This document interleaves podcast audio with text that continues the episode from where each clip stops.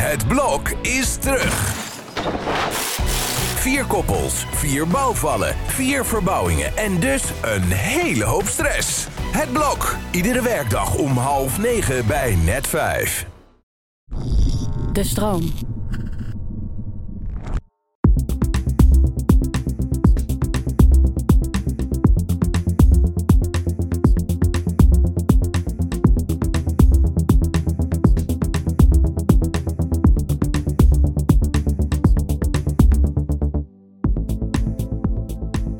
Dat je luistert naar de Podcast Psycholoog.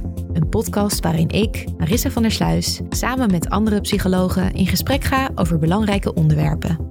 Om zo met z'n allen onszelf en anderen beter te leren begrijpen. In deze bijzondere extra aflevering gaan we het hebben over lucide dromen. En daarvoor zijn we te gast bij Tim Post. Tim Post promoveerde in 2019 in onderwijspsychologie aan de Universiteit Twente en schreef tijdens zijn onderzoek het boek Droommeester. Een boek over de wetenschap en beoefening van lucide dromen. Daarnaast geeft hij wereldwijd lezingen en workshops over dit onderwerp. Normaal gesproken heet ik mijn gasten welkom in de studio, maar eigenlijk moet jij ons nu welkom heten op dit bijzondere uh, vliegveld hangar hier in de Enschede. Waar zijn we eigenlijk precies? Tim? We zitten momenteel in een kamertje, weggestopt in een hele koude hangar. maar ik heb geprobeerd om het een beetje warm te maken voor jullie hier. Uh, die vroeger werd gebruikt door allerlei piloten. Dus hier vertrokken de vliegtuigen op het vliegveld naar allerlei mooie horizonnen. Mm En uh, nou, deze hangar gaan we nu helemaal omtoveren tot een nieuw onderwijscentrum voor kinderen. Zodat ze met techniek en met hun eigen verbeelding allerlei moois kunnen maken voor het uh, Twente van morgen.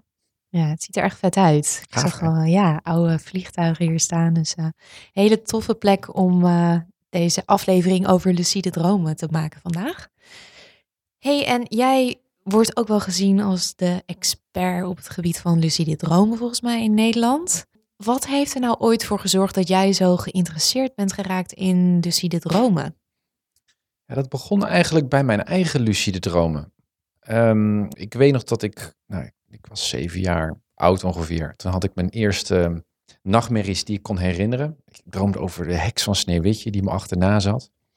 Um, en het bijzondere was dat ik in die nachtmerrie, zoals heel veel kinderen trouwens rond die -huh. leeftijd, in één keer me bewust werd van het feit dat ik in een nachtmerrie zat.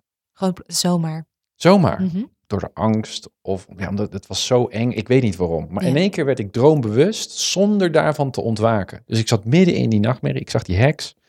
En ik wist, dit is nep. Ik lig eigenlijk met mijn ogen dicht in bed. En ik moet zo snel mogelijk wakker worden om van die nachtmerrie te ontsnappen. Nou, en nou, ik, weet, ik was toen zeven jaar oud en ik werd daarvan uiteindelijk wakker. En ik, nou, ik vond het alleen maar een hele jammere ervaring. Um, nou, toen ik 17 was op de middelbare school, toen vertelde een klasgenoot mij dat dromen waarin je dus weet dat je aan het dromen bent, dat mm -hmm. dus lucide dromen heten. Um, en dat je met dat droombewustzijn dan, tijdens die droom, de droomregie kunt nemen en je dus niet als een slachtoffer hoeft te voelen van de droom, um, maar de touwtjes in handen kunt nemen. Dus ik had van die enge nachtmerrie toen een van waanzinnig gaaf droomavontuur kunnen maken. Nou, ik had natuurlijk geen idee toen ik zeven was dat dat kon. Ja. Maar op mijn zeventien dacht ik, hé, hey, ik kan dus al lucide dromen. Ja. En ik kan hier dus iets heel gaafs mee doen. Nou, ja, ik ga dat, het uitbouwen. En dat kickstartte eigenlijk mijn interesse. Ik denk, dat is interessant. Ja. En uh, nou, dat heeft ook geleid tot uh, ja, veel meer studie naar dromen en slapen. En naar de kracht van verbeelding. Uh, ja, zodoende. Mm, dus je bent je daar helemaal in gaan verdiepen. Ja, helemaal gefascineerd. Wow. Echt, echt obsessed. Het ja. was zo interessant. Ik denk, wauw, er zit dus kennelijk een soort innerlijke belevingswereld in onze hersenpan. Mm -hmm. Bij iedereen. Ja. Die we elke nacht bezoeken. Maar niemand weet daarvan. En als je daar dus wat in gaat trainen, dan kun je, daar, kun je dat gaan benutten, die dromen. In plaats ja. dat je alleen maar die zorgdromen hebt, of die angstdromen, kun je daar waanzinnige droomavonturen van maken. Zodat je de volgende dag, als je daarvan wakker wordt, denkt, nou, nu wil ik wel naar school. Of nu ja. durf ik wel die enge presentatie te geven. Of tegen dat meisje te zeggen dat ik verliefd op haar ben. Of verzin een thema wat je in je dromen zou kunnen doen om ja. jezelf te sterken. Jij raakte geïnteresseerd in die uh, lucide dromen. En wat heb je daarvan ontdekt? Wat zijn het eigenlijk precies? Hoe werkt het? Ja, nou, technisch gezien is, is een lucide droom dus een, een droom waarin je weet dat je aan het dromen bent. Het is dromen met droombewustzijn. Mhm. eh, zonder daarvan te ontwaken. Dus nou, sommige mensen die associëren de lucide droom ook met een herinnerende, eh, herinnerde droom. Dus dat je de volgende dag wakker wordt en weet, goh, ik heb net gedroomd. Maar dat is dus niet een lucide droom. Een lucide Nee. droom is weten dat je aan het dromen bent, terwijl de droom zich ontvouwt. Ja, dus dat is ook weer anders dan wat wij in, in de aflevering Slaap en Nachtmerries hebben bes- besproken. Dat je daar achteraf dus je, je droom Precies. daar een ander verhaal aan gaat eh, geven. Maar dat je echt in je droom weet, ik droom en daar dan iets mee gaat doen. Precies, precies. Nou, en die lucide dromen vinden voor, nou, vrijwel uitsluitend plaats in de remslaap. Mhm. rapid eye movement sleep. Een hele indringende droomslaap, eh, waarin we zo in onze eigen verbeelding staan dat we eigenlijk nauwelijks contact hebben met de buitenwereld. Dus je hebt ook geen idee op dat moment in die lucide droom dat je in bed ligt. Of dat je, dat je gewoon als een plank op, op je matras ligt. Je hebt echt Mhm. het gevoel alsof je in een andere wereld bent. En het is ongelooflijk. Ik denk dat ik in mijn eerste nou, 50 lucide dromen alleen maar dingen heb gevoeld in de lucide droom. Dus Mhm. tafels, muren, eh, in mensen, in wangen van mensen heb geknepen. Want je bent het, zo nieuwsgierig als een kind. nou, het is zo levensecht. Oh. Het is ongelooflijk. Het is echt, ja, je, je, je kan het bijna niet onderscheiden van de werkelijkheid. Bijna niet. Mhm. Ehm, dus je kan niet alleen maar zien in een droom, maar je kan echt rondkijken. Je hebt een lichaam dat je kan Ja. bewegen. Je kan dingen ruiken. Je kan dingen proeven. Waanzinnig dat onze hersenen ja, dat super kunnen. fascinerend. Ja, dus nou ook heel veel droomwetenschappers die natuurlijk ook gefascineerd zijn. En die denken, dan, hoe, hoe, kan, hoe kan dat eigenlijk? Ja, precies. Want dat wilde ik jou vragen. Van hoe wordt eigenlijk wetenschappelijk onderzocht of lucide dromen ook echt bestaan? Ja, dat was dat ook de hamvraag. Ja, Echt, ook voor eh, jou? Was je daar ook nieuwsgierig naar? Ook, ja. Dus ik dook meteen de wetenschappelijke literatuur in. Van, Mhm. goh, hoe hebben ze dit nou kunnen bewijzen? Bestaat het echt? Ja. Of Hoe hebben ze verzinnen... dit ook kunnen missen? Had je dat ook niet? Van waarom? Ja, ja dat, dat ook. Ja, dat ook. nou ja, dus ik, ik ging helemaal snuffelen. En nou ja, ik, ik ontdekte dat er dus een, eh, een onderzoeker was eh, in Amerika op Stanford University. eh, Mhm. Steven LaBerge. Eh, en die had zelf ook heel veel lucide dromen. En tot die tijd was, was er gewoon heel veel kritiek op de lucide droom. Heel veel onderzoekers zeiden, ook, ook slaap- en droomonderzoekers zeiden, dit kan gewoon niet. Tijdens het dromen kun je niet weten dat je aan het dromen bent. Want het voelt een beetje dan alsof je beetje wakker door dromenland loopt. Hè? Dat soort van droombewustzijn, dat klinkt een beetje ja, alsof je wakker en rationeel kunt nadenken. En dat is nou precies niet wat een droom is. Een droom is juist heel creatief en onbewust. Dus Ja, heel veel wetenschappers die zeiden, dit kan gewoon per definitie niet. En Steven LaBerge, net zoals heel veel anderen, die dachten, ja, maar ik heb ze toch wel. Ik heb ze toch. Dus die ging met zijn onderzoeksvaardigheden Ja. nadenken of hoe kunnen we dit nou bewijzen. En hij kwam toen tot echt een, eh super gaaf experiment. Echt, ik vond ja, een heel slim experiment. Ja. Waarin hij ehm, samen met zijn promotor eh, al eerder ontdekte dat heel wonderlijk genoeg onze droomoogbewegingen, Mhm. dus de bewegingen die je maakt met je droomogen in dromenland, ja. dat die bedoelt wanneer je overeenkomen. rondkijkt. Ja, maar niet eens met je hoofd, maar met je ogen. Hè? Ja, dus stel je, je houdt je hoofd strak en je kijkt naar een tenniswedstrijd en je staat aan de zijlijn, zeg maar. Dan kijk je naar links en naar rechts en naar links en naar rechts met je, met je ogen. Ja, precies. Want, je, nou- want je, je lichaam is zeg maar verlamd, toch? In remslaap. Dus je kan je niet bewegen, maar je ogen... Dat is helemaal waar. Ja, dat is helemaal waar. Maar in dit geval, hè, stel je zit in een droom of in een lucide droom en Ja. je, hebt je, je hebt je droomlichaam. Ja. Dus in de droom droom je gewoon dat je stilstaat en je kijkt alleen maar met je droomogen naar links en naar rechts en naar links Mhm. en naar rechts. Dat dan onze echte oogbewegingen, dus achter gesloten oogleden in de echte wereld, Ja, dat onze ogen ook diezelfde droombewegingen laten zien. Die gaan ook naar links en naar ja. rechts. Interessant. Dus er zit wel een soort deur of een parallel naar, Juist. naar de fysieke wereld. Precies. Nou, en Mhm. die Steven die dacht, hey, als dat zo is, dan kunnen we misschien een heel gaaf experiment gaan opzetten, waarin we misschien met morsecode vanuit de droomwereld naar de Mhm. echte wereld kunnen praten. Vet, Niet ja. met echt praten, maar met zijn oogsignalen. Mhm. Toch een soort communiceren vanuit de Ja, droomwereld. letterlijk. Ja. Dus Ja. wat hij dacht was, nou ja, wat nou als we dus een aantal proefpersonen opleiden tot lucide dromers. Mhm. Zodra zij lucide worden in de droom, dan, dan moeten zij een bepaald heel onwaarschijnlijk ehm, oogsignaal afgeven. Dus zodra ze lucide worden, droombewust worden in de Ja. moeten ze drie keer naar links kijken, drie keer naar rechts of naar boven of naar onder, een soort van signaal. Oh, ja, en dan gaan wij in het slaaplab taaltje. kijken op dat Mhm. moment of we dan ook die slaap, of we ook die oogsignalen zien. Ja. En of die persoon dan nog steeds in remslaap zit. Nou, en eh, zodoende werd de lucide droom in 1980 ehm, door Steven LaBerge wetenschappelijk bewezen. En dat opende allemaal deuren voor vervolgonderzoek. Van hoe kun je het leren? Wat hebben we eraan? Ehm, dus hij was eigenlijk de grondlegger. En, ja, Mhm. en, en, en wat ik ook heel mooi vind.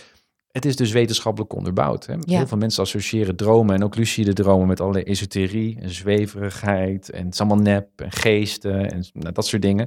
Terwijl er gewoon keihard onderzoek wordt gedaan naar dromen en naar lucide dromen ook. Dus, ja. en ehm, steeds meer ook, of niet?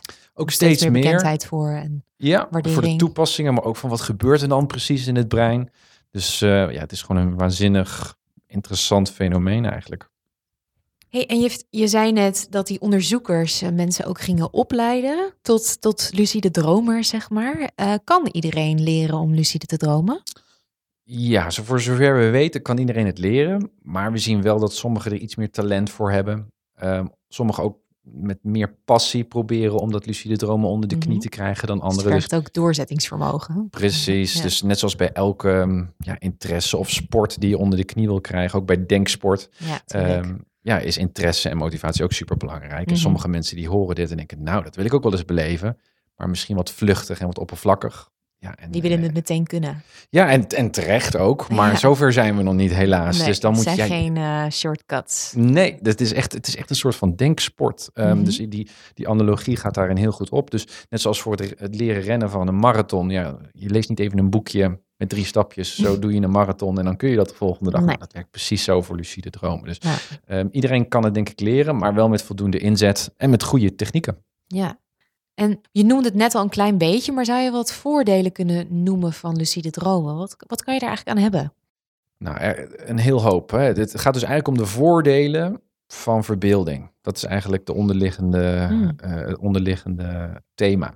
Uh, eigenlijk kun je met lucide dromen dus s'nachts in die levensechte droomwereld, waarin je dus niet alleen maar dingen kunt zien overigens, hè, maar ook dingen kunt voelen en hmm. aanraken. Het is echt alsof je in een andere wereld rondloopt. Dus ja. die levensechte verbeelding, ja. ja kun je echt hele mooie ervaringen opdoen.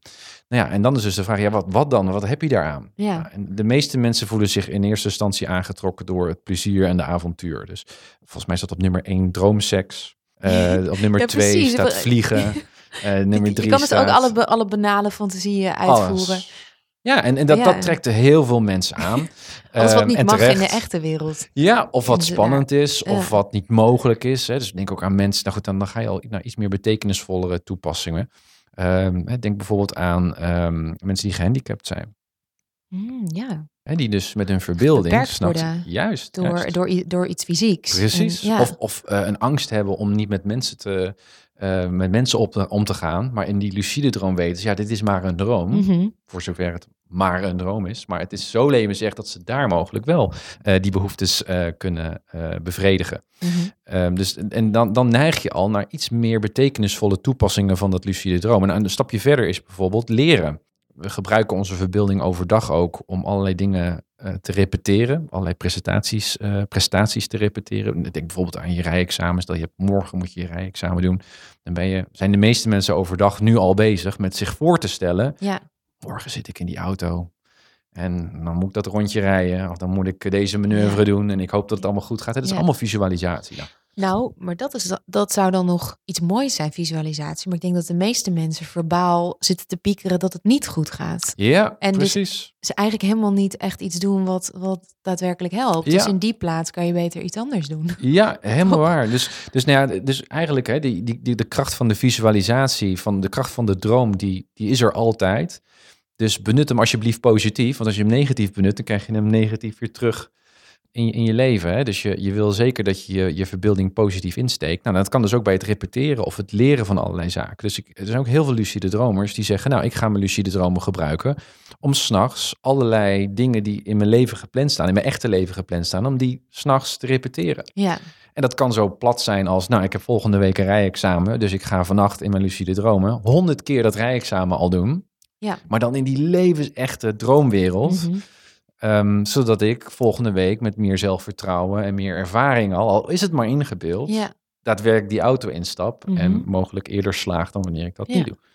Uh, sporters doen dat eigenlijk ook al heel veel. Hè? Sporters visualiseren dat soort dingen, schaatsers. Nu al, uh, gewoon, je bedoelt overdag. Ja, nou, overdag. en, die horen nu van het lucide dromen. Die denken, dat is interessant. Kan ik uh, die honderdste seconde niet winnen door s'nachts in mijn droom die, die mega super sprint te rennen. Nou, daar zien we al aardige effecten. Te hebben. Ja.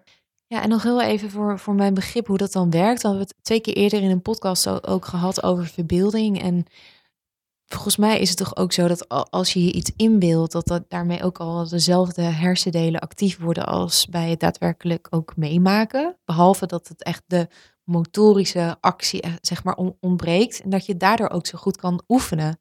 Geldt het dan hetzelfde in een lucide droom? Dat je ja. eigenlijk al je brein eigenlijk al in werking zet tot die actie, behalve tot de motorische uitvoering. Ja, nou ja, ik, ik zou zelfs, durven zeggen om dat ook nog erbij te pakken. Uh, wat we dus zien, hè, dit was een vraag die veel lucide droomonderzoekers hadden. Van, oh. goh, hoe, hoe reageert nou het brein, fysiologisch gezien, op de psychologie van de droom? Hè, dus stel, uh, ik geef in de lucide droom een stomp naar voren met mijn rechterarm. Ik weet iets heel, heel plats, eenvoudigs. Mm Zie je dan ook in de hersenen dat het stuk van de motoriek van die rechterarm dan ook iets meer activiteit vertoont, zoals je dat ook overdag zou verwachten. Als ja, precies. Ja. En we zien dat dat exact hetzelfde is. Dus het, hmm. de hersenen zien in ieder geval in die motoriek niet het verschil tussen of het nou een ingebeelde, gedroomde handeling is, ja. of dat het een echte, een dagelijkse, zeg maar, uh, handeling is. Nou, en, en dat geeft natuurlijk... oefenen. Ja, en, en, nou, en dat geeft dus heel veel grond weer om te zeggen, goh, wat je dus zou kunnen ervaren of oefenen of repeteren of wat dan ook in die lucide droom of in een visualisatie overdag, heeft nut. Want je repeteert werkelijk de, ja. het hersenneurale netwerk, wat straks ook echt bij die prestatie zijn werk moet doen. Zonder dat je moe wordt. Dus je kan eindeloos oefenen. En zonder dat je valt bijvoorbeeld. Want ik moest meteen denken aan skate trucjes of snowboard trucjes.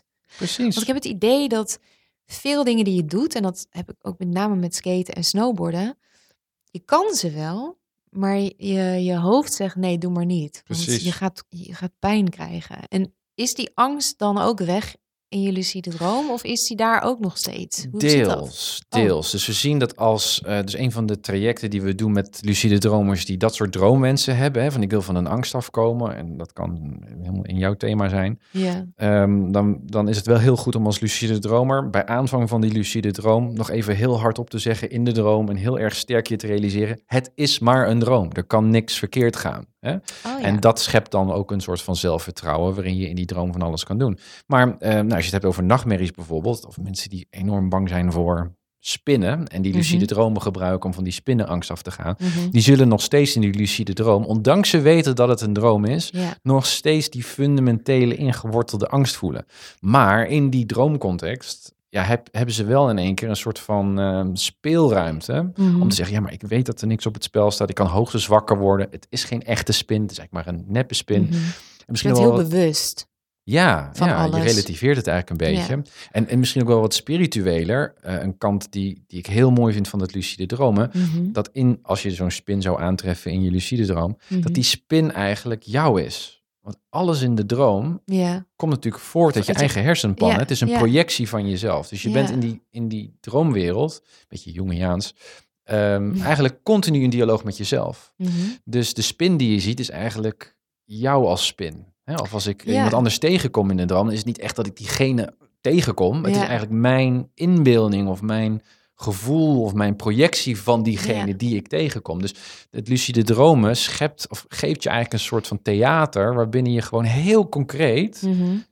ja, met jezelf in gesprek kan. Ja. Op een manier die je als therapeut nu overdag, als wij hier zitten, alleen maar heel abstract Ja. en eh, Dat je zou echt niet, eh, niet echt aanslaan als therapeut als je dat op die manier zou doen in, het, in het echte leven. precies, precies, Ja, precies, precies. Wat grappig dat je begint over een spin trouwens. Want in een van mijn laatste dromen zag ik twee keer een spin.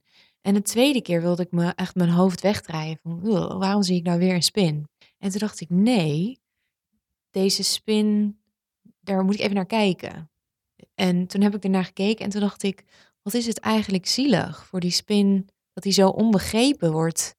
Want die spin is eigenlijk een heel mooi dier, maar iedereen vindt hem afschuwelijk.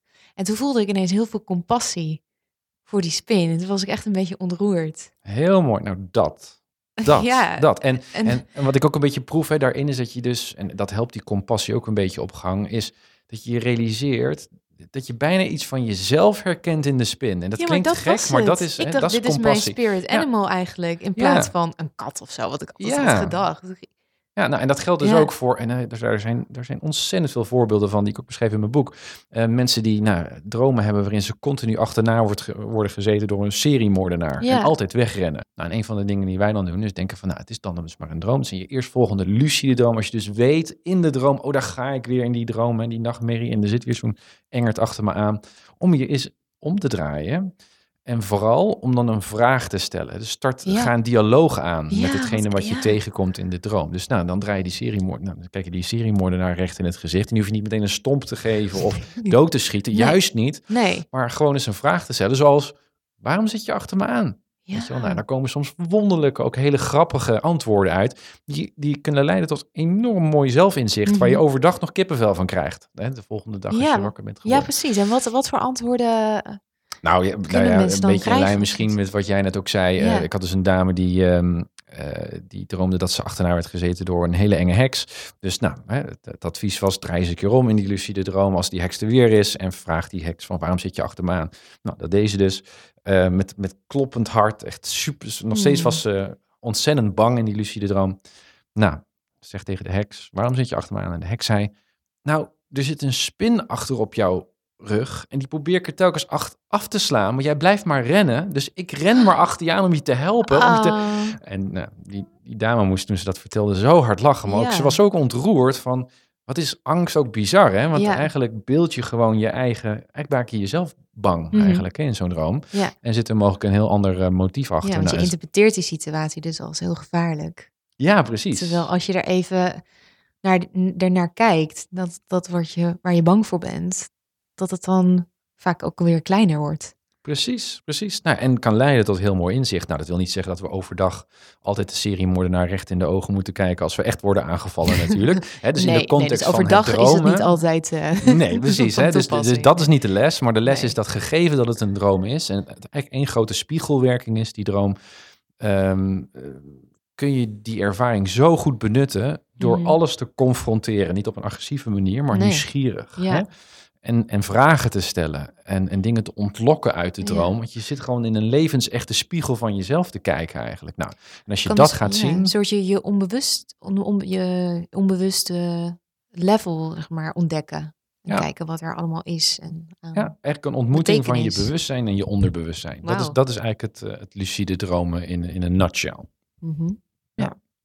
Hey, en kan je nou echt alles sturen als je in een lucide droom zit? Of zitten daar ook wel eh, limi- limitaties aan? Of eh, beperkingen Ja, aan? Er Dus, zitten zeker beperkingen aan. En, en dat is maar goed ook. Dus de droom ehm, behoudt altijd haar eigen willetje. Mhm. Ehm, eigenlijk is, eh, daarvoor moet je even een beetje kijken naar hoe dromen worden gevormd eh, in onze hersenen tijdens remslaap. Die ontstaan eigenlijk een beetje achterin het hoofd, in de achterhersenen zou je kunnen zeggen, heel onderbewust. Ja. Ehm, dus daar komen allerlei beelden op en herinneringen op en kleuren op en geluiden op. En het zijn eigenlijk onze voorhersenen die daar pap van proberen te maken. Die Mhm. maken daar een coherente droombeleving van. Dus eigenlijk zou je kunnen zeggen dat een remslaapdroom of een lucide droom eigenlijk voortkomt uit een samenspel tussen de achterhersenen en de voorhersenen. Of eigenlijk een voorspel, of eigenlijk een soort van eh, samenspel tussen het onderbewuste en het bewuste. Mhm. Ehm, nou, en dat betekent dat ook in een lucide droom een groot gedeelte van de droom nog altijd gevoed wordt door je onderbewuste, waar je dus niks, op, niks mee kan doen. Het is een willekeurig geluid of een herinnering of een Ja. droomwending. Dus als je stel je zou een droom kunnen opnemen of een lucide droom, dan zie je echt dat, nou ja, om de vijf of tien tellen eh, is er weer een droomwending. Dan verandert misschien het droomlandschap. Of in één keer komt er een nieuwe persoon binnen. Of in één keer verandert de context van de droom. Een droom is Oh. altijd in beweging, Ja. altijd in flux. Dus, dus toch heeft dat on- onderbewuste nog wel behoorlijke Ja. invloed en impact. En eh, is, dat, is dat niet iets wat je kan controleren? Ja, nou, dat is, dat is de, de grootste wens van de meeste beginnende lucide dromers. Van ja, maar ik wil toch die perfecte, gerepeteerde, dat droomavontuur wil ik hebben. En oh wat, nee, dat lijkt me juist saai. wat we dus doen eigenlijk in, in onze workshops, is eigenlijk eh, al onze cursisten verleiden om juist die, die, dat onderbewuste en die creativiteit, eigenlijk die, dat verrassingselement van de Mhm. droom, juist te verwelkomen. Ja. Eh, dus, en en dan, dan ga je al, ook een iets andere houding aannemen als lucide dromer. In plaats dat je daar binnenkomt en zegt, ik ga hier de regie voeren, want Ja. ik wil deze droom. Ja. Het is juist overgave dus. Ja, en, en een soort van nieuwsgierigheid eigenlijk. Ah. Dus je gaat eigenlijk veel meer als een soort van archeoloog bijna. Mhm. Ga je door de droomwereld heen om op zoek te gaan. Mhm. Dus eh, nou, als ik dat zo zou beschrijven over het algemeen in mijn lucide dromen, dan is het dus niet, ik kom een lucide droom binnen en ik denk, nou, die beleving moet ik hebben. Al deze personen horen daar niet bij, dus die tover ik weg uit mijn droom. Ik wil daar een berg en daar een palmboom en bloemen. bloemen. Het is niet alsof je als soort Bob Ross daar iets uit de grond stampt, zeg maar. Maar het is veel meer, oké, ik word droombewust in een bepaalde droomsetting. Dat kan overal zijn, kan ook hier in deze hangar zijn, dat ik in één keer hierover droom. En mijn eerste houding is meteen nieuwsgierigheid. Van, oké, waarom zit ik hier? Met wie zit ik hier? En alles is een reflectie van mij. Dus overal spreekt de droom Oh, naar mij allemaal toe. of vragen die je dan hebt. Vragen die je hebt. Ik ga zeggen, goh, ik zie hier drie blauwe deuren hier voor me. Wat, zou er achter deze deur zitten? Oh, ja. oh ja, wat zou erachter zitten? En dan ga ik vervolgens kijken en dan ga ik snuffelen. En dan ga ik Mhm. met mensen praten. En dus een droom, Ja, maar dat is een soort avonturen computerspel waar ik vroeger verslaafd aan was ongeveer. Zo klinkt het. nou ja, het is een soort van, ja, een soort van ontdekkingstocht. Ja, fantastisch. En dat maakt elke droom ook uniek. En vaak ontdek je dan, ja, je vindt de ongezochte vondsten. Hè? Dus het is niet dat je van tevoren denkt, oké, dat geweldige droomavontuur zoals ik boven de wolken vlieg, dat, dat kan als je dat heel gaaf vindt. Dat vond ik ook heel gaaf. Wat je al, al voordat je in bed stapt, weet je dus al, nou ja, dat ga ik dus zo meteen beleven. Maar nu ga ik met een soort nieuwsgierigheid in, eh, ga ik Mhm, slapen. Met, mhm. Waar zal ik in hemelsnaam Ah. vannacht droombewust worden? En als ik daar droombewust word, hoe ga ik mijn best doen om zo adaptief mogelijk Mm. en nieuwsgierig mogelijk die droom uit te sponsen? En dan, en dan ga je veel meer een soort, bijna een soort relatie aan met je dromen. Hè? Dus het is veel meer dat je, is veel meer een dialoog dromen. In plaats van ik kom hier binnen en ik oreer, ik wil een palmboom Zo- en Ja, eh, bent- goudmijn en weet ik het wat je anders Als je een wensen. dictator wil worden dan van je dromen, dan gaat het niet lukken.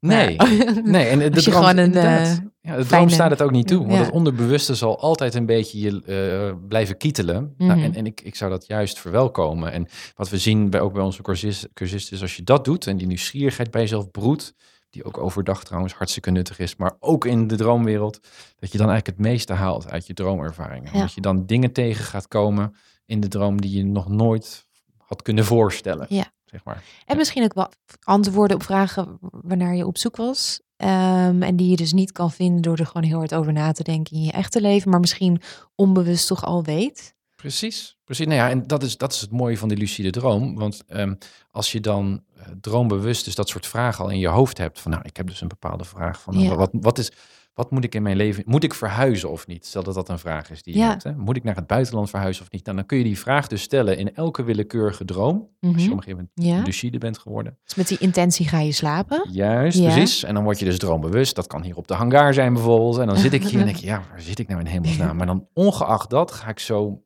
authentiek mogelijk hardop in die lucide droom zeggen, moet ik verhuizen of niet? En dan blijf je gewoon rustig, nieuwsgierig zitten op je stoel, zoals wij dat nu ook doen. En dan ga je gewoon eens kijken, hoe reageert de droom hierop? In zijn totaliteit. Hè? Dus het Mhm. hoeft niet te zijn dat er in één keer een blaadje op het bureau ligt met dit is het antwoord. Of iemand Nee. komt binnen en zegt, nou, dat zal ik jou eens vertellen. Het kan ook zijn dat in één keer... Een spandoek met... Ja, precies. Hè? ja. dat hoeft dus niet. Nee. Eh, het kan ook zijn dat in één keer symbolisch. subtiel wordt het in één keer gaat de zon op. Of in één keer verandert de ruimte. Mhm. Krijg je meer kleur of minder kleur. Of in één keer wordt het een nachtmerrie. Of in één keer... Dus je gaat veel meer op een soort metacognitief niveau de droom beschouwen. Mhm. En jij bent daar natuurlijk ook onderdeel van. Om te kijken hoe reageert de droom op Op, die eh, nieuwsgierige ja. vraag die ik heb. Die je dan Ja. zo waarachtig mogelijk natuurlijk moet stellen. Als je Ja. dat een beetje snel doet, dan eh, reageert de droom er niet zo op. Mhm. Nou, en dan geef, ja, eh, gebruik je je dromen als een soort van platform, als een soort van spiegel nogmaals, om ehm, ja, jezelf beter te leren kennen en, en wakker te worden met mogelijk een nieuw inzicht. Zoals heel veel mensen al hebben gedaan, hè, van Paul McCartney met muziek tot nou, schilders, die hun dromen benutten op die manier en gewoon putten uit die creativiteit die de hersenen sowieso al hebben tijdens Ja. remslaap.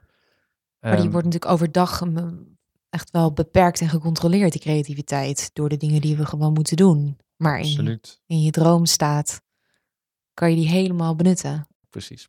En zit er ook een keerzijde aan lucide dromen? Kan het bijvoorbeeld zo zijn dat je het op een gegeven moment leuker gaat vinden in je droomwereld dan in de echte wereld? Het kan. Ik, ik denk alleen, we zien nog geen onderzoek dat laat zien dat dat komt door het lucide dromen. Dus vaak zie je dat mensen al die zich aangetrokken voelen tot het lucide dromen, al een dispositie hebben, een Mhm. gevoeligheid hebben om zich te ontsluiten van mensen of van de realiteit. Ah, ja. En ehm, daarom is het ook zo dat stel je bent in psychiatrische behandeling en je denkt, goh, dit lucide dromen klikt me heel erg goed, om dan natuurlijk met je dokter dit te bespreken, omdat er mogelijk allerlei Precies. andere achtergronden zijn voor jou, eh, waarvoor dit lucide dromen niet zo handig is. Nee, want het, kan- het kan me ook voorstellen dat je je wat meer in de war kan brengen over ja, wat het verschil is tussen werkelijkheid en Ja, dat juist niet. dromen. Nee, het wordt Nee. juist meer bewust. Ja, ik, ik zou Ja. eerder zeggen dat de gemiddelde mens de droom niet kan onderscheiden van de werkelijkheid. Nee, oh dat, ja. Ik zie zoveel mensen slaapwandelend over straat en, en achter hun telefoontjes. Ja, En, en, en, en om een lucide Minder dromer te worden. Hè? Kijk, een lucide dromer is eigenlijk gewoon iemand die bij uitstek het verschil tussen droom en werkelijkheid kan onderscheiden. Want Ja. daarmee ontdek je s'nachts, goh, ik zit weer in die droom. Mm, ja. Dus het gaat juist het om een soort van droommindfulness. Dus de laatste mensen die niet het, die, die droom en werkelijkheid gaan verwarren, dat zijn lucide dromers. Want dat is, dat is precies de taak. Ja. Leer de droom te herkennen Ja, als een droom, ja. zodat je weet, oh ja, ja. ik droom. Ik ben eigenlijk wel eh, gemotiveerd geraakt om, eh, om het zelf te gaan proberen. En ik, de aankomende tijd krijg ik het ook wat rustiger. Dus ik, ik heb nu eh, voor mezelf bedacht dat dit het perfecte moment is om maar mee te gaan oefenen. Wat moet ik als eerste gaan doen om ervoor te zorgen dat ik eh, misschien mijn eerste lucide droom ga krijgen? Nou, Het allereerste eigenlijk ehm, is om eerst een hele goede droomwens te formuleren. Waarom wil je lucide dromen? Stel je, ik zou jou nu een lucide droom geven. Ja, Wat zou je ermee doen? Nou, dat je dat heel concreet voor Mhm. jezelf maakt. Nou, een manier om dat te doen is bijvoorbeeld met een moodboard of zo. Een beetje Pinterest-achtige board die je maakt. Oké, stel nou, ik mag het helemaal zelf zeggen. Wat zou jij nou doen met die... maar bedoel je hoe ik droom. mijn droom moet, eh, wil vormgeven? Of nee? Of, Ja, dat- nou, wat- wat die- mijn intentie is, wat ik wil leren? Ja, waarom wil je het leren? Nou, om iets met die lucide droom te doen, neem ik aan. Je hebt een soort, ziet een voordeel voor jezelf om dat lucide Ja, dromen. ik zou willen beginnen met het, het zeg maar, het meer de basis, gewoon eh, even het plezier, het, on- het ontdekken, gewoon kijken wat daar is. Mooi. Dus een nieuwsgierigheid. Ik hoef even, ik hoef niks te oefenen nog. Dat, Je hoeft nog helemaal geen... Nee, nee, dat is ik heb nog geen goed. prestatiedoel. Nou, maar het is heel goed hè, als een eerste, om een eerste doel te formuleren dat zo concreet mogelijk is. Want dan weet je ook waar je, waar je naar streeft. Hè, dus als Ja. het alleen maar is, ik wil heel graag lucide dromen, dat is best wel abstract. Dus Ja, een goede nee, ja. doelformulering is belangrijk. Nou, als je die ik. hebt, dan zijn er eigenlijk drie stappen die je moet ondernemen. En de, de eerste stap, ehm, kortweg, is om ehm, eerst je dromen, je gewone dromen te leren herinneren. Mhm, Dat is een vaardigheid. Iedereen kan dat dus leren. mhm. Ehm, en dat begint eigenlijk heel simpel al, dat voordat je in bed stapt, s'nachts, en je gaat slapen, dat je de intentie zet, ik ga vannacht proberen om in ieder geval één droom te herinneren. Ja. Eh, dan word je dus wakker 's ochtends en dan moet ook je allereerste vraag zijn, wat heb ik gedroomd? Als je dan denkt aan, ja, wat moet ik vandaag nog allemaal doen? En ik, eh, de, de slaapkamer is zo koud, want ik Ja, moet zo je meteen pakt nog meteen je telefoon Ja, erbij en je gaat op je, eh, op je account scrollen. Is die droom Ja, vervlogen. oh ja. Dus je allereerste vraag moet zijn, wat heb ik gedroomd? Ja. Nou, Dus dat is een heel klein ru- ruimtetje van tijd dat je het nog kan herinneren. Dus je moet dat echt meteen doen. Ja, maar als je aandacht op een gegeven moment erop is gericht, dan kun je zo'n kwartier lang kun je dromen gaan herinneren. Ja. Ehm, en dat is, een hartstikke, dat is een hartstikke leuke eh, vaardigheid om onder de knie te krijgen. Want in één keer ga je dus duiken in die wereld. Van Mhm. waar droom ik dan eigenlijk elke Ja. nacht over? Ja, Nou, Dat is eigenlijk stap één. Dus daar, dat, dat wil je eigenlijk vanaf nu elke ochtend doen. Ehm, en stapje twee is, is om eigenlijk ook een droomnachtboek bij te houden. Eigenlijk Mhm. wil je dat je je dromen ook gaat beschrijven of tekenen. Eh, Alleen maar om er nog meer grip op te krijgen. Het doel is om, om dromen te gaan herkennen Mhm. als dromen. Dat is eigenlijk het lucide dromen. Je wil gewoon in de droom weten, oh ja, dit is weer een droom. En dan ben je dus lucide. Dus Ja. je moet in het voorwerk dus zorgen dat je heel goed de droom kan onderscheiden van de werkelijkheid. Dus je moet heel goed weten, wat maakt mijn dromen nou zo droomachtig? Nou, en dat doe je onder meer door dromen te herinneren, maar ook om ze op te schrijven, zodat je ze kunt gaan analyseren. En bedoel je dan dat je een soort bepaalde terugkerende eigenschappen van jouw eigen dromen wil herkennen, zodat je later ook kan zien van hé, hey, dit is een droom, want dit is echt iets typisch van mijn dromen en Precies. dit gebeurt niet in de werkelijkheid. Op die manier? Precies, precies. Dus je gaat je dromen opschrijven in je droomnachtboek. Dat doe je nou in ieder geval twee weken of dat doe je voor altijd. En dan ga je gewoon continu terugbladeren eigenlijk in dat droomdagboek om te zien, ja, waar droom ik dan dus vaak over? Wat maakt mijn dromen nou ook zo bizar? Dat kunnen gebeurtenissen zijn of bepaalde personen of plekken waarover je droomt of bepaalde emoties. En als je op een gegeven moment weet, meestal is dat een maand lang dat je typische dromen hebt, een bepaald Mhm. thema. Mhm. En je weet bijvoorbeeld, nou, ik droom heel vaak over hangars momenteel. Ehm, dan kan Is dat zo? Nou ja, hè, ehm, in mijn geval niet, maar Ja. stel, hè, stel, Stel je voor, ja. je droomt daar heel ding. vaak Ja. over. Ehm, dan heb je een droomsignaal te pakken. Dan heb je iets ja. heel kenmerkends Mhm. in de droomervaring, waarvan je weet, ja, dat, dat, daar droom ik veel over, Ja. maar dat beleef ik overdag eigenlijk nauwelijks. Nou ja, en dan kun je dus voorbereid gaan slapen. En dat is eigenlijk stapje drie dan. Als je dan dat droomdagboek hebt bijgehouden in stapje twee, dan weet je dus waar je vaak over droomt. Dat kan in dit geval die hangar zijn. En dan kan je dus in stapje drie kan je gaan zeggen, nou, dan ga ik voorbereid slapen. De kans is dan namelijk groot dat ik vannacht weer ga dromen over die hangar. Want het is een terugkerend element. Dus nu ga ik slapen met de intentie, de eerstvolgende keer dat ik in mijn beleving weer een hangar zie, of iets wat te maken heeft met vliegen of met nou, iets hangarerigs, Ja.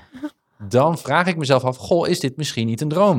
Want de kans is groot ja. dat het een droom is. Dus dat zeg je tegen jezelf voordat je gaat slapen. Dus dat dreun je als het ware op Ja. als een soort intentie. Precies. Ah, Oké. Precies. En, dan, nou, en hoe concreter je dat doet, hoe meer succesvol je zult zijn. Dus het beste en dan zelfs nog om misschien in je droomdagboek een tekening te maken van de hangars, als je die vaak in je droom ziet. Ja. Ja, dus je wilt het zo Geval. concreet mogelijk maken, zodat je weet, nou, ik ga dit niet missen. Als dit voorkomt, ik ga dit herkennen als, ja, daar ben ik weer. Ik ben weer aan het dromen over die hangar. En dan ploep. Als, als je dat lukt op dat moment eh, eh, in de droom en je herkent die hangar, dan verkrijg je dus in één keer droombewustzijn. En in één keer herken je, verrek, ja, ik sta weer in die droom. Nou, en, en dan heb je je lucide droom en dan begint pas eigenlijk het lucide dromen, namelijk in de lucide droom blijven. Niet Ja. dat je vroegtijdig wakker wordt. Ja. Hoe, Eh, hoe doe je dat? Eh, door niet, eh, eigenlijk door heel actief deel te nemen aan de droom. Dat is eigenlijk het belangrijkste. Dus wat we zien bij heel veel lucide dromers die beginnen, die hebben dan een eerste lucide droom en die Ja. juichen in die droom. Denk je, yes, ik heb hem herkend, die hangar, Ja. zeg maar. En die staan vervolgens doodstil met open ogen, met open droomogen, Ja. te kijken naar, wauw, dit ziet er zo echt uit. Ik zit nu in een lucide droom. Mhm. Maar ondertussen zitten ze eigenlijk de droom aan te gapen. En daar kan de droom niet zoveel mee. Eh, Oh. Er is een hele interessante relatie tussen je lichamelijke beweging in de droom, Mhm. ingebeelde lichamelijke beleving, ehm, en hoe helder en stabiel de droom is. Dus als je, het, het slechtste wat je kan doen in een droom of in een lucide droom is plat liggen en je ogen dicht doen. Dat is de beste manier om wakker te worden eigenlijk. Dus wat je moet doen in een beginnende lucide droom is actief zijn. Je ogen open en direct in actie komen en ergens naartoe lopen of iets gaan voelen of iets dus, gaan... dus je moet wel echt onderdeel van de droom zijn, in plaats van dat je als toeschouwer gaat zitten kijken. Precies. Ah, Of als je het een hele enge droom vindt, dan ga Ja, je dus juist als een toeschouwer, Ja. of eigenlijk doe je gewoon je ogen dicht, dan ga je echt slapen in de droom. oh. En dan vervliegt de droom heel snel. Mm. Ehm, dus dat is eigenlijk het belangrijkste. Dus als je dan, dan heb je die lucide droom. Maar goed, het liefste wat je natuurlijk wil doen, is je droomavontuur starten. Dat kan een ingebeelde droomwens zijn die je wil gaan vervullen. Maar het Mm. liefst is het gewoon de nieuwsgierigheid volgen, zoals je ook zou willen doen. Dat zou ik, dat zou ik Dus je moet wel even ergens heen lopen of iets. Ja, en voelen of met iemand in gesprek gaan met een zo'n droomfiguur die je ziet. Precies. Nou, en dat kost in het begin wel een paar lucide om daar gevoel bij te krijgen. Stel je zou, nou ja, we zitten nu in een, in een koud kamertje in die hangar. Die Het wordt steeds, steeds kouder worden. Potverdikke me hier. En met al dat heersfeer vriezen buiten. Maar goed. Dankjewel voor de uitnodiging. nou ja, dit komt uit een goed hart en een warm hart. Ehm, dat stel we zouden hier dus nu, stel dit zou de start zijn van een lucide droom. En ik, Ah, ja. ja. waar zit ik in? Ik zit in een koude kamer, er is niks. Dan, maar dan moet je dus, dan moet je dus een soort van innerlijk kompasje hebben om Ja. te voelen, ja, maar waar ga ik dan dus nieuwsgierig naar zijn? Mhm. Nou, en nou ja, als ik omdraai, zie ik dus een paar gesloten deuren. Nou, dat zou meteen mijn aandacht trekken. Misschien zit hierachter wel, omdat het dromenland is, Mhm. een tropisch warm paradijs. Het is wel heel positief. Je, vindt, je hebt helemaal geen angst. Nee, nou ja, Oh, ik wil, nou ja, ik wil graag positieve dromen. Oké, dus ja. dat is mijn droomregie stukje al. ja. Hè? Dus ik kan natuurlijk iets positiefs gaan verwachten achter de, achter de deur. En dan Mhm. hoop ik dat die verwachting vervult. Als je denkt, nou, misschien zit er achter die deur wel een groot monster. Dan is de kans groot dat als je de deur open doet, Oh, dat je dat ook krijgt. dat, hè, je, je- het is een Mhm. soort pro- prophecy, die Ja. droom. Nou, dat is Dus mijn moeder die, die eh, droomt regelmatig dat ze weer opnieuw examen moet doen. Heel zielig. Dus ik moet eigenlijk mijn moeder even eh, dit ook gaan uitleggen of we haar laten luisteren. Oh, ze luistert waarschijnlijk nu ook. Dus Nou ja, precies. Nou, en wat je dan dus tegen je moeder moet zeggen, mam, als je nu luistert, ja, Ehm, dan heb je dus al een droomsignaal te pakken. Hè? Dus dat, dat is al je terugkerende droom. Dus de kans is groot dat ze Ja. deze week er nog een keer over gaat dromen. Dus als zij nu op de nachtkastje plaatst iets met examen of iets waardoor ze even weet voordat ik ga slapen. Oké, als ik weer in zo'n examensituatie kom, Mhm. dan moet ik gaan herinneren dat dit een, mogelijk een droom is. Oh ja, ja. Nou, en, en dan is ook de vraag, wat gaat ze dan doen met die droom? Je Mhm. kan zeggen, ja, dan ben ik lucide op dat moment. Maar wat zou je dan doen? Zou je Mhm. dan... Nou, ik, ik heb ook veel van dat soort dromen gehad. Nou, ik heb gewoon gezegd tegen de docent op een gegeven moment van... eh, ik vind het zo'n rotproefwerk, zei ik dan. En dan keek hij me heel verward aan. En vervolgens rende ik zo dwars door de ramen naar buiten. Dan vloog ik zo weg en dan ging ik lekker mijn eigen ding. Dat Ja. is kippenvel. Dat is zo stoer. Ah, ja. Eh, maar je kan ook allerlei andere... Je kan ook zeggen, nou, ik blijf zitten en ik ga het proefwerk. Maar ik ben wel benieuwd naar het proefwerk. ja. Of Doe ik me, dan ga- ga ik hem maken ook. Ja, of eh, ik ga iets geks doen bij die leerkracht. Of ik ga de school doorlopen. Of ik ga lesgeven. Of ik ga op de tafel staan. Of ik ga... Ja, ik ga je kan disco alles gaan. En het is levensecht, Ja. hè, die droom. Het is echt een soort Oh, van... daar heb ik eh, helemaal zin in. een soort van game is het bijna. Maar goed, Ja. de, de kunst blijft nog steeds dat de droom nog steeds zijn eigen willetje houdt. Dus Ja. eh, je hebt dan misschien een heel mooi idee, maar dan zul je zien dat in die klas ook na een paar tellen alweer wat verandert. Dus Ja. misschien zit er in één keer, zie, zie je je moeder in één keer zitten op een van de stoelen. Dus het verandert continu. Ja, En dus je moet ook je verwachtingen niet te hoog houden. Juist. Ja, het is eigenlijk best moeilijk om een gescripte lucide droom te krijgen. Ja, het is eigenlijk onmogelijk. En, en, en ik zou zelf zeggen, die richting van denken zou ik ook eigenlijk ontmoedigen. Ja. Je moet juist die creativiteit omarmen. Dat is juist Ja. wat de En droom zo- flexibel zijn dus ook. Ja, adaptief, flexibel. eh, Ja. Ook creatief daarin. Hè? Dus stel er gebeurt iets in die droom door je onderbewuste. Hoe kun je dat een beetje... Hoe kun je daar een beetje in meeswingen, Mhm. zodat het in je voordeel werkt? Ja. Nou, en dat Wat je in het echte leven ook kan gebruiken als Precies, ik wilde net zeggen. Precies. Zijn er nog obstakels? Eh, stel je voor, ik ga dan straks beginnen. Wat kan ik tegenkomen waardoor het niet lukt? En hoe kan ik ze dan ondervangen? Ja, het belangrijkste is eigenlijk vermoeidheid.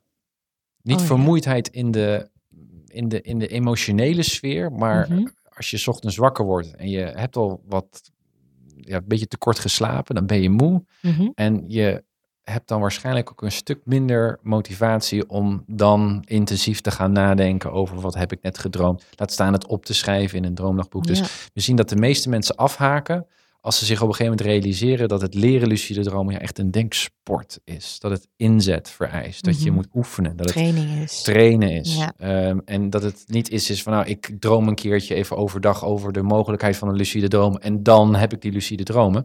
Dus het is echt een motivatiespel. En, en een tip daarvoor is ook om eh, bijvoorbeeld te gaan lucide dromen met een vriendin of met je vriend of met een Oh, familielid. Dat je zegt, ja. wij gaan dit samen onder de, en wij gaan onze dromen delen. Oh, wat, ja. Dat is ook superleuk, dat, Dat sociale leuk. aspect. Dus Ja. het gaat ook heel, heel ver terug in de, de historie ook van, van de mensheid. En eh, hoe stammen ook met elkaar allerlei dromen uitwisselden Mhm. om nader tot elkaar te komen. Hartstikke leuk, om dat te doen. Ja, ik vind, ik vind dromen, maar zeker het lucide dromen, een soort van psychologisch gereedschap voor zelfgroei. Ja. Wat gewoon kant en klaar op de deurmat ligt, maar niemand realiseert zich dat we dat kunnen benutten. Mhm.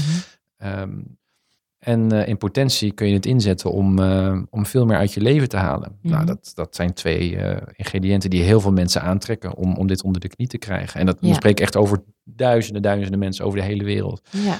En nog, nog iets anders wat ik, wat ik hoorde.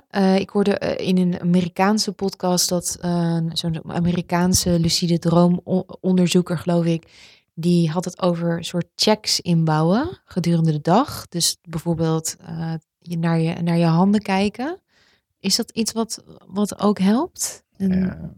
Of- of is Ik- dat ik, niet ga eigenlijk zeggen nee. Het, het idee is dat als je overdag heel vaak jezelf afvraagt, goh, is dit een droom of niet? Mhm. Dat je dan mogelijk die vraag ook uit, uit gewoonte ook gaat stellen in je dromen. Ja, en dat je ik ziet begrepen. Die correlatie is zo laag. Dat, dat- zie je dat bijna niet gebeuren. niet en bovendien vind ik dat die vraag stellen overdag eigenlijk je meer in verwarring brengt over is dit dan een droom of niet? Ja, dat bedoel ik. Ja. Dat is nee, ik, eh, ik, Nee, ik, dat ik, ik niet. train het in ieder geval niet bij mijn cursisten. Wat ik veel in- interessanter vind is herinner je je dromen, kijk waar je vaak over droomt. Wat maakt jouw dromen nou zo droomachtig, zodat Ja. je vervolgens voorbereid kunt gaan slapen en zeggen, nou, de eerstvolgende keer dat ik weer dat die rolzende vliegende olifant zie of die hangar of waar, Ja. waar je ook maar vaak over droomt, dan ga ik herinneren, dit is een droom. En dan ben je er en dan ga je nieuwsgierig op pad. Oké, dat is duidelijk. Dat ga ik doen. En dan nog één laatste vraag. Ik let niet altijd op of ik echt genoeg slaap. Ik ga vaak net iets laat slapen. Ik heb dat een paar podcasts geleden heb ik dat geprobeerd te veranderen, deze gewoonte. Maar ik heb nooit echt de motivatie gehad om eerder naar bed te gaan. Ik denk dat dat vaak toch weer van, oh, dan is mijn avond zo kort. Maar nou heb ik je ergens horen zeggen dat dat wel heel belangrijk is. Dus ik denk dat ik nu wel echt uh, die motivatie kan opbrengen. Maar ja, is dat ook? Ja, natuurlijk. Slaap is, slaap is sowieso essentieel. Volgens mij is het mijn eerste hoofdstuk in mijn boek. Uh, zonder voldoende slaap, ja, heb je niet eens voldoende remslaap, zeg maar, om überhaupt lucide dromen te kunnen krijgen. Dus hoe langer we slapen, hoe meer we uh, genieten van de droomslaap, hoe meer potentiële droomsignalen je dus tegenkomt, hoe groter de kans is dat je lucide wordt. En als je lucide wordt, hoe meer tijd je hebt om je droomavontuur te vervullen. Dus um, een van de eerste, ja, misschien, misschien, had ik dat ook wel moeten noemen bij je obstakelvraag, uh, ja, dat mensen te kort slapen. De, de, ah. over, over het algemeen wordt er gewoon te kort geslapen. Ja. Hoe, hoe ehm, lang raad je aan? Verschilt, verschilt per persoon. En zelfs binnen personen verschilt het in je, in je, tijdens je leven. Ja. Uh, dus uh, jonge kinderen slapen weer langer dan ouderen. Uh, dus het, het, beste, um, het beste criterium is eigenlijk...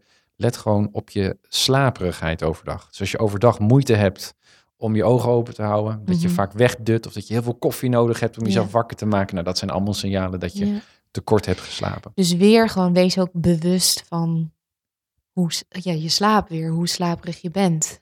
Eh, Precies. en, en, en leef daarnaar. Ja, nou, en, dat, en dat op zichzelf al. Ik, volgens mij zeg ik het ook in mijn boek. Uh, alleen dat al goed doen. Gewoon goed slapen. Zorgt er al voor dat je meer dromen gaat hebben. Dat je ze meer herinnert. En het doet zoveel goeds voor je gezondheid. Het is het, mhm. we, leren steeds meer over hoe essentieel slaap is. Dus nou even nog los van dromen en uh, lucide dromen. Je moet echt op tijd gaan slapen hoor. Het is echt ja. uh, heel gezond. Uh, en en het is een platform voor het lucide dromen. Ja. Um, en dat maakt het allemaal veel gemakkelijker. Ja. Nou, doen. Dan, heb, ik, heb ik wel een heel um, belangrijk doel om dat te gaan doen. Ja.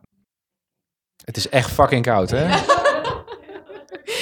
Sorry jongens. Ja, het, ja, ja, ja, nou ja, dus laten we maar een beetje richting het eind gaan. Want mijn, vingers zijn inmiddels een soort Condensatie dampen al in deze bevroren stokjes geworden. Um, stel je voor dat ik dit ga doen. Wanneer kan ik dan effect verwachten? Of wanneer denk je dat ik misschien mijn eerste lucide droom ga beleven? gemiddeld in ieder geval binnen één maand. Uh, maar er is een enorme variatie in het droomsucces, het lucide droomsucces van mensen. En dat hangt ook weer samen met die talenten van uh, eerder geleden. Ah, ja, ja. Dus sommige mensen, nou, bijvoorbeeld, stel je slaapt al voldoende, dat, dat, dat, die routine heb je al, ja, ja dan heb je al een mega voorsprong. Uh, sommige mensen die uh, zijn sowieso veel geïnteresseerder of hebben een hele brandende, vurige droomwens. Mm -hmm. die zijn zo gemotiveerd, ja, dat dringt door elke droomlaag heen. Ja. Dus we zien een enorme variatie uh, in, in, dat, in dat droomsucces. Um, dus nou ja, vandaar, goed, ja, dat beschrijven we allemaal in dat boek, van wat zijn allemaal factoren die je dus in de voorbereiding kunt doen om je kans te vergroten dat je slaagt. En gemiddeld is het een, is het een maand. Maar goed, dan praat je over misschien één of twee lucide dromen die je dan uh, per week zou hebben. Mm -hmm. um, ja, dat ik, zou ik al heel wat vinden. En dat is hartstikke veel en dat ja, is helemaal genoeg. Ik merk ook af en toe, en dan heb je één zo'n droom en die is zo inspirerend. En dan kun je maanden zonder. En een van de laatste vragen, hoe heeft lucide dromen jou geholpen in je leven, denk je? Als, als persoon? Um, ik denk dat het lucide dromen me heeft gegeven dat ik meer grip heb op mijn eigen mentaliteit. Mm -hmm. Dat klinkt heel breed, maar doordat ik meer grip heb op mijn mentaliteit, heb ik automatisch ook meer grip op, me, op hoe mijn leven zich ontvouwt. Mm -hmm. Dus ik heb, ik heb veel meer door wat het mechanisme is van hoe, wat, wat de inhoud is van mijn gedachten en mijn gevoelens en hoe zich dat vertaalt tot ja, hoe ik me gedraag. Mm -hmm.